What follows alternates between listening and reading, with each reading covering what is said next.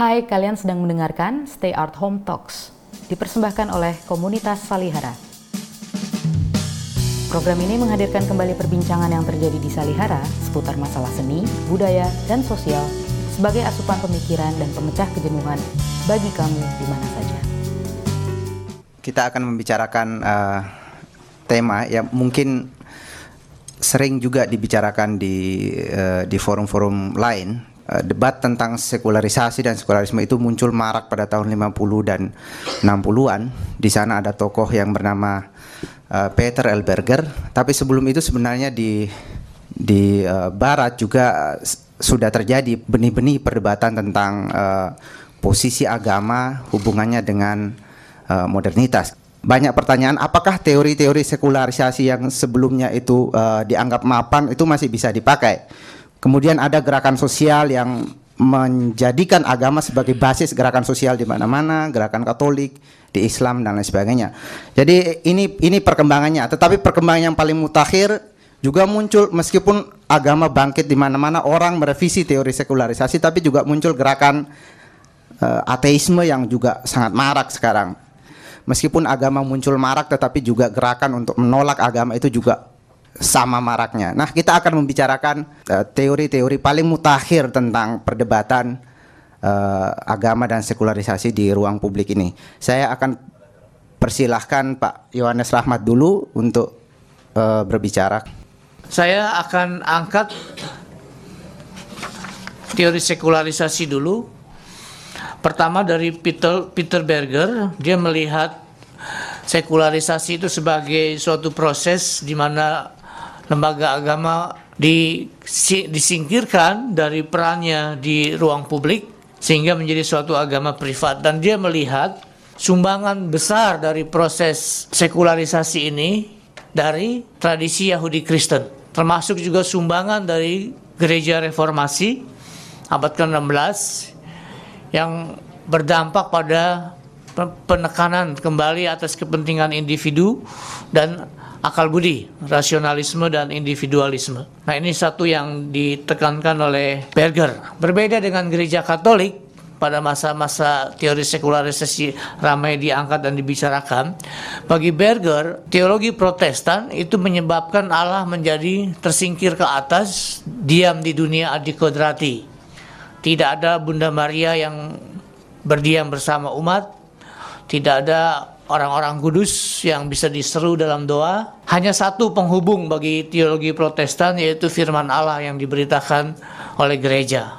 Nah, ketika firman Allah ini plausible, plausibilitasnya atau kemasuk akalannya dipertanyakan, maka putuslah sama sekali hubungan dengan dimensi adikodrati yang di atas.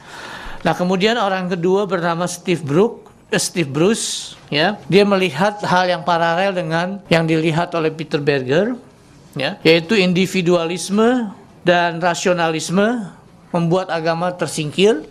Pertama, tidak lagi punya basis komunalnya karena orang berpikir dan menjalani hidup sendiri-sendiri dan juga doktrin-doktrin Kristen, doktrin-doktrin agama menjadi tidak relevan dan tidak plausible lagi ketika dihadapkan kepada rasionalitas manusia.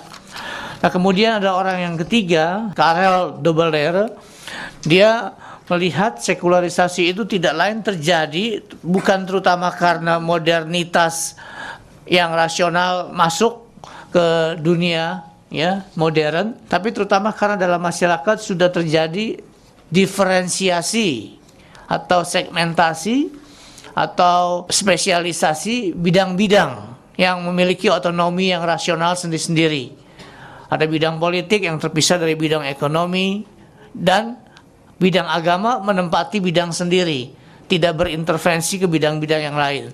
Nah, di sinilah sekularisasi terjadi karena sudah terjadi diferensiasi uh, ranah-ranah uh, publik, uh, ruang-ruang uh, publik, dan ruang-ruang publik ini tidak didominasi lagi oleh agama sebagaimana telah pernah terjadi sebelumnya. Nah, subsistem-subsistem yang terbangun di masyarakat ini memungkinkan modernitas bergerak sendiri tanpa lagi dihalangi oleh agama.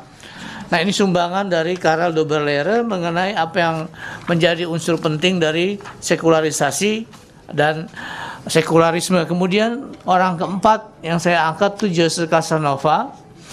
Dia melihat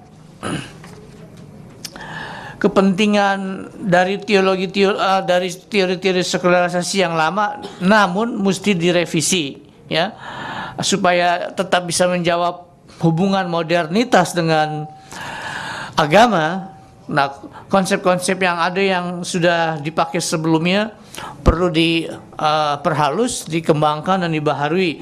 Nah, dia juga mengambil sebagian posisi Karel Doberer yang saya sudah sebut tadi, yaitu sekularisasi hanya dimungkinkan kalau ada diferensiasi uh, dan segmentasi uh, ruang-ruang uh, umum di dalam kehidupan masyarakat yang modern.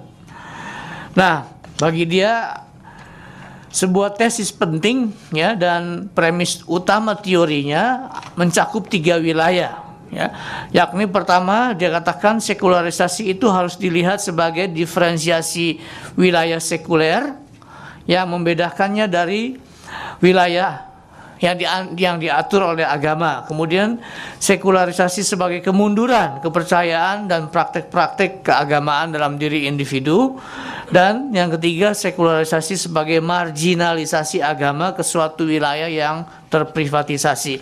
Nah, dia memberi tiga unsur itu dan baginya kalau orang mau menguji apakah sebuah teori sekularisasi masih berlaku atau tidak, terverifikasi atau terfalsifikasi, tiga unsur tadi dia harus dicek. Kemudian ah, dari seorang lagi yang bernama Hervieux Leher ya, Daniel ini seorang Perancis, dia melihat sekularisasi terjadi bukan terutama karena modernitas bersama turunan-turunannya misalnya rasionalisme, tapi terutama karena masyarakat telah mengalami suatu amnesia, dia bilang. Masyarakat yang terkena penyakit hilang ingatan, Ingatannya apa yang dimaksud oleh Leher? Ternyata yang dia maksud adalah ingatan terhadap memori kolektif yang semula melandasi dan menyemangati dan memberi hidup komunitas keagamaan. Nah, memori kolektif ini adalah tradisi turun temurun dari sejak berdirinya suatu agama sampai masuk ke zaman modern. Nah, karena orang menjadi modern dan lupa pada memori kolektif ini, agama menjadi tersingkir. Nah, kalau ini yang sudah terjadi, yaitu masyarakat menderita amnesia, ternyata pada sisi lain agama tidak bisa mati, tetapi agama uh, memperlihatkan vitalitasnya di bidang lain dengan menciptakan apa yang dia sebut sebagai utopia, mengisi sesuatu yang kosong karena memori kolektif lenyap dengan hal-hal lain yang menjadi kebutuhan orang yang hanya bisa diisi oleh agama. Nah itu pandangannya Leker. Kemudian Pipa Norris dan Ronald Engelhardt dia mereka melihat teori sekularisasi belum waktunya ya dimakamkan. Sebab ada seorang ada dua orang yang berpendapat teori sekularisasi di abad ke-20 akhir dan di abad ke-21 awal sudah tidak relevan sama sekali dan sudah harus pada waktunya ini dikubur.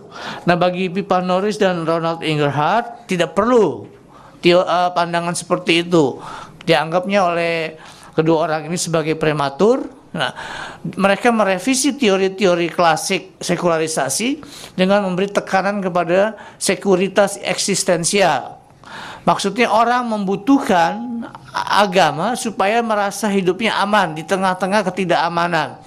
Nah, yang membutuhkan agama untuk kepentingan sekuritas atau keamanan eksistensial adalah sebagian terbesar orang-orang miskin yang sangat rentan terhadap berbagai ancaman kehidupan di bidang semua bidang kehidupan, agama, politik, sosial, pendidikan, hukum. Nah, kalangan yang rentan inilah yang mencari Tuhan dan mempertahankan agama. Sedangkan orang-orang yang hidup di masyarakat yang dalam negara-negara maju yang berkelimpahan ya yang tidak kekurangan dan dan semuanya bisa diprediksi dengan teratur dan diarahkan agama tidak diperlukan di sektor masyarakat yang uh, affluence yang berkelimpahan seperti itu. Nah, jadi bagi kedua orang ini Norris dan Engelhardt sekularisasi tidak terjadi di kalangan orang-orang miskin sedunia dan jumlahnya jauh lebih banyak dari orang-orang kaya dalam dunia.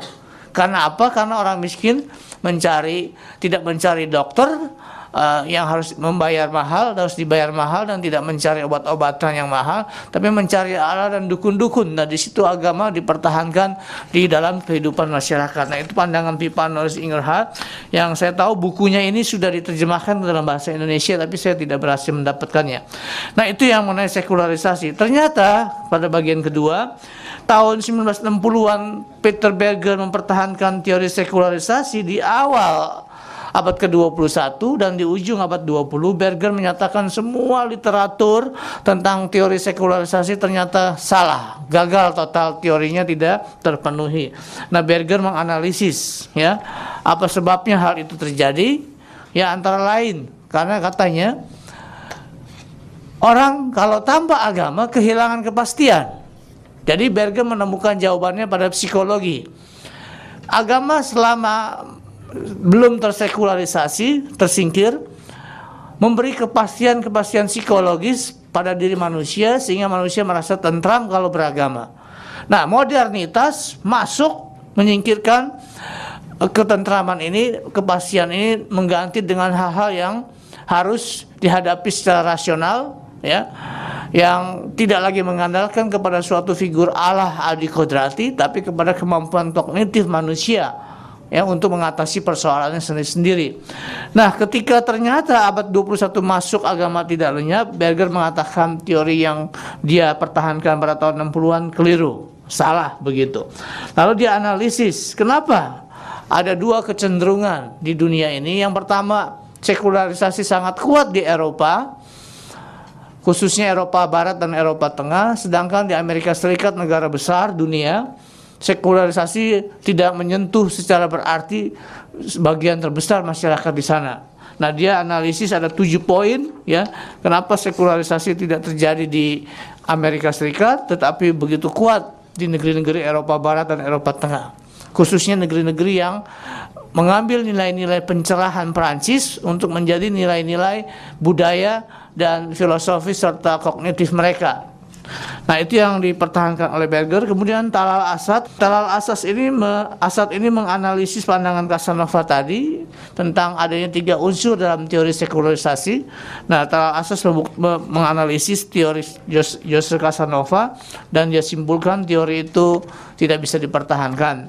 Nah kemudian tampil dua orang yang bernama Rodney Stark dan Roger Finke saya saya angkat di sini karena bagi mereka berdua teori sekularisasi harus sudah diberi ucapan RIP RIP ya. Rest in peace. Selamat istirahat selamanya di makam. Karena bagi bagi kedua orang ini sekularisasi yang berlangsung pada level individu tidak terjadi ya. Lalu mereka usulkan sebuah pendekatan lain yaitu menganalisis bukannya hanya sekularisasi tetapi fungsi dari masing-masing varian agama yang ada dalam dunia.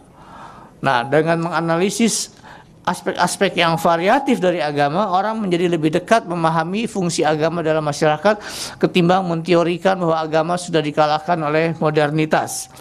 Nah, itu yang uh, diangkat oleh Rodney Stark ya dan juga Rodney Stark dan Roger Finkel ini menolak ya. Kalau dikatakan modernitas membuat agama dengan sains ilmu pengetahuan berkonflik. Atau bahwa sains membuat orang menjadi ateis, atheist ya. Uh, dia mereka berdua menolak mengajukan sekian data data statistik untuk menyatakan seorang tetap bisa saintis scientific minded dia berpikir ilmiah tapi juga bisa tetap Christian ya religius uh, tetap beragama. Lalu dia, juga menyatakan tidak ada konflik antara sains dengan agama. Kalau ada yang menteorikan itu itu mitologi dia bilang mitos. Nah, ini yang saya angkat dalam dua bagian. Bapak Ibu, sekali lagi saya ajak Bapak Ibu melihat kepada halaman uh, tujuh sebelumnya halaman tujuh ya. Jadi teori-teori sekularisasi itu sudah berlangsung bukan hanya pada seperti Mas Saidiman katakan tadi ketika era di era tahun 60-an 50-an itu sudah menjadi pergumulan dari pemikiran Comte, Durkheim, Weber dan Marx juga ya. Nah, kedua orang ini Norris dan Ingerhard bertanya apa mereka semua salah ya dalam menganalisis kemunduran agama dalam dunia modern. Dan apakah semua teori sekularisasi harus ditolak? Nah, ini yang uh, ternyata dari diskusi yang saya angkat tadi dari pembicara pembahasan yang saya angkat ternyata tidak teori sekularisasi tetap hidup cuma bervariasi sekarang. Pada bagian penutup ini tiga poin penting mau diajukan dan disoroti melalui pertanyaan-pertanyaan dan jawaban-jawaban. Pertama, apakah betul bahwa tradisi keagamaan Yudeo-Kristen, khususnya tradisi kekristenan reformatoris Protestan, adalah tradisi yang di atasnya dibangun modernitas yang menimbulkan sekularisasi dan yang di dalamnya juga sains modern sebagai bagian sangat menentukan dari proses sekularisasi dilahirkan. Nah, nama-nama Peter Beger dan seterusnya itu mendukung uh, dengan menjawab dengan positif pertanyaan ini. Uh, lalu Foye dan Caldo Berlara juga ya memandang modernitas dengan rasionalismenya menyingkirkan konsep-konsep teologis antropomorfis yang dikembangkan oleh kekristenan Protestan lalu dari situ lahir agnostisisme dan ateisme. Nah, kebanyakan orang Kristen pada masa kini juga akan memberi sebuah jawaban positif yang sama terhadap pertanyaan di atas. Sebagaimana suatu generasi baru para sejarawan sosiolog, filsuf, filsuf sains telah membuktikan agama Alkitabiah bukanlah musuh sains, melainkan matriks intelektual yang pertama-tama memungkinkan munculnya sains. Tanpa wawasan-wawasan kunci yang kekristenan jumpai terpelihara dalam Alkitab dan menyebar ke seluruh Eropa, sains tidak akan pernah ada. Bukti ini tak dapat diperdebatkan. Ini adalah teologi rasional baik dari abad pertengahan Katolik maupun reformasi Protestan yang diilhami oleh kebenaran-kebenaran implisit dan eksplisit yang diwahyukan dalam Alkitab Yahudi yang bermuara pada akhirnya pada penemuan-penemuan sains modern. Ini pandangan seseorang yang sangat uh, bias ya bahwa protestantisme melahirkan sains modern begitu. Dan juga ada orang kedua. Ini pandangan umum. Yang kedua yang melihat sekularisasi dilahirkan dari selain cara berpikir era pencerahan juga dari tradisi keagamaan Yahudi Kristen. Tapi Richard Carey, seorang pengkaji sains dunia kuno, telah merontokkan semua jawaban di atas yang memandang kekristenan sebagai satu-satunya peranata keagamaan yang bertanggung jawab bagi kelahiran sains modern. Dalam tulisan yang berjudul Christianity was not responsible for modern science, Carroll menunjukkan bahwa sains modern justru memiliki pijakan yang kuat di dalam pandangan dunia pagan yang menjadi konteks luas kekristenan perdana, bukan di dalam kekristenan sendiri. Khususnya yang dimaksud paganisme di sini uh, pemikiran uh, Yahudi, uh, Yunani dan Romawi pada abad-abad perdana dan seterusnya. Carroll menulis, kekristenan menguasai penuh seluruh dunia barat dari abad ke-5 sampai abad ke-15. Namun di dalam jangka waktu seribu tahun itu tidak terjadi revolusi saintifik. Selama 10 abad tidak terjadi revolusi saintifik, suatu penyebab yang gagal menghasilkan akibat yang diprediksikan meskipun terus-menerus aktif selama seribu tahun biasanya dipandang sebagai penyebab yang ditolak bukan dikonfirmasi. Carrier menyimpulkan antara lain bahwa nilai-nilai yang diperlukan bagi kemajuan sains yakni merangkul keingintahuan sebagai suatu kebajikan moral, mengangkat empirisisme ke status otoritas tertinggi di dalam semua perdebatan tentang fakta dan menghargai pengejaran kemajuan dipegang oleh banyak pagan pada zaman kuno dengan sangat kuat dan terus-menerus sehingga mereka semuanya membuat kemajuan-kemajuan yang sinambung di dalam penemuan-penemuan metode dan dan metode-metode saintifik. Kontras dengan ini, kekristenan untuk waktu yang lama tidak pernah menghargai nilai-nilai ini dan malah dalam banyak kasus mengutuk nilai-nilai ini. Tanda skerir, gagasan baru bahwa kekristenan bukan hanya bertanggung jawab tetapi juga diperlukan bagi munculnya sains modern pastinya adalah sebuah gagasan delusional. Hanya dipercaya saja secara mutlak tanpa bukti ya. Itu yang dimaksud delusi. Suatu delusi menjadi patologis ketika kepercayaan ini dipertahankan dengan keyakinan mutlak bahkan di hadapan bukti yang kuat dan meyakinkan yang menyatakan hal sebaliknya. Nah pertanyaan kedua Apakah betul seperti dipertahankan Rodney Stark dan Roger Fink bahwa para saintis modern sama religiusnya dengan orang lain mana pun dan bahwa tidak ada konflik antara apa pun antara sains modern dan agama Kristen? Nah, jawabannya munculnya kalangan yang secara ideologis memegang suatu pandangan dunia yang dapat dilabelkan sebagai the new atheism yang dimulai oleh Sam Harris, seorang neuroscientist yang menulis sebuah buku berjudul The End of Faith menunjukkan bahwa pada awal-awal abad ke-21 ini para saintis yang menyatakan identitas mereka sebagai ateis mulai bermunculan dan mempublikasi pandangan-pandangan saintifik mereka. Nama-nama berikut ini dan buku-buku yang mereka telah tulis masuk ke dalam gerakan para saintis modern yang dapat digolongkan sebagai New Atheists dan ideologi mereka sebagai the New Atheism. Michael Onfray misalnya salah satu, kemudian saya sebut juga Richard Dawkins, kemudian Christopher Hitchens, lalu Victor J. Stenger, seorang fisikawan yang menulis banyak buku justru menerap mengkaji agama dengan saintifik. Nah, juga John Lotus ya yang menulis eh, mengedit buku The Christian Delusion. Jadi selain ada buku Richard Dawkins The God Delusion, ada buku yang paralel dengan itu The Christian Delusion. Ya, Why Faith Fails. Nah, hampir semua orang yang namanya disebut di atas kecuali hanya satu ya, adalah orang-orang yang menunjukkan dalam kajian-kajian saintifik mereka bahwa kalau seorang saintis itu konsisten bergerak dalam jalur pemikiran dan argumentasi saintifik, sang saintis ini kemungkinan sangat besar akan menjadi seorang ateis terbuka. Jangan dianggap mereka sedikit jumlahnya. Richard Dawkins menyatakan kalangan ateis jumlahnya jauh lebih banyak. Khususnya di antara kalangan elitis yang terdidik ketimbang yang disadari orang banyak. Sekaligus juga mereka menunjukkan bahwa sains modern tidak bisa sejalan dengan agama. Keduanya berkonflik. Victor Stenger khususnya dalam bukunya God Titik dua, the failed hypothesis telah menguji keberadaan Allah adikodrati sebagai sebuah hipotesis melalui metode pengkajian saintifik dengan ditopang bukti-bukti empiris. Hasilnya, Stenger mendapati bahwa hipotesis bahwa Allah itu ada tidak berhasil dibuktikan kebenarannya sama sekali. Jadi sebuah hipotesis yang gagal, the failed hypothesis. Ya. Ketiga, Mungkinkah dalam kultur sosial masyarakat Indonesia sekularisasi dapat berlangsung dengan deras dan memasuki semua lini kehidupan ketika Indonesia sedang bergerak untuk menjadi sebuah negara modern. Sementara umat-umat beragama di negeri ini, khususnya Islam, katakanlah mencakup 85% dari totalitas penduduk, masih sangat terikat dengan memori kolektif mereka. Memori kolektif ini yang diangkat dari Review Lager di atas.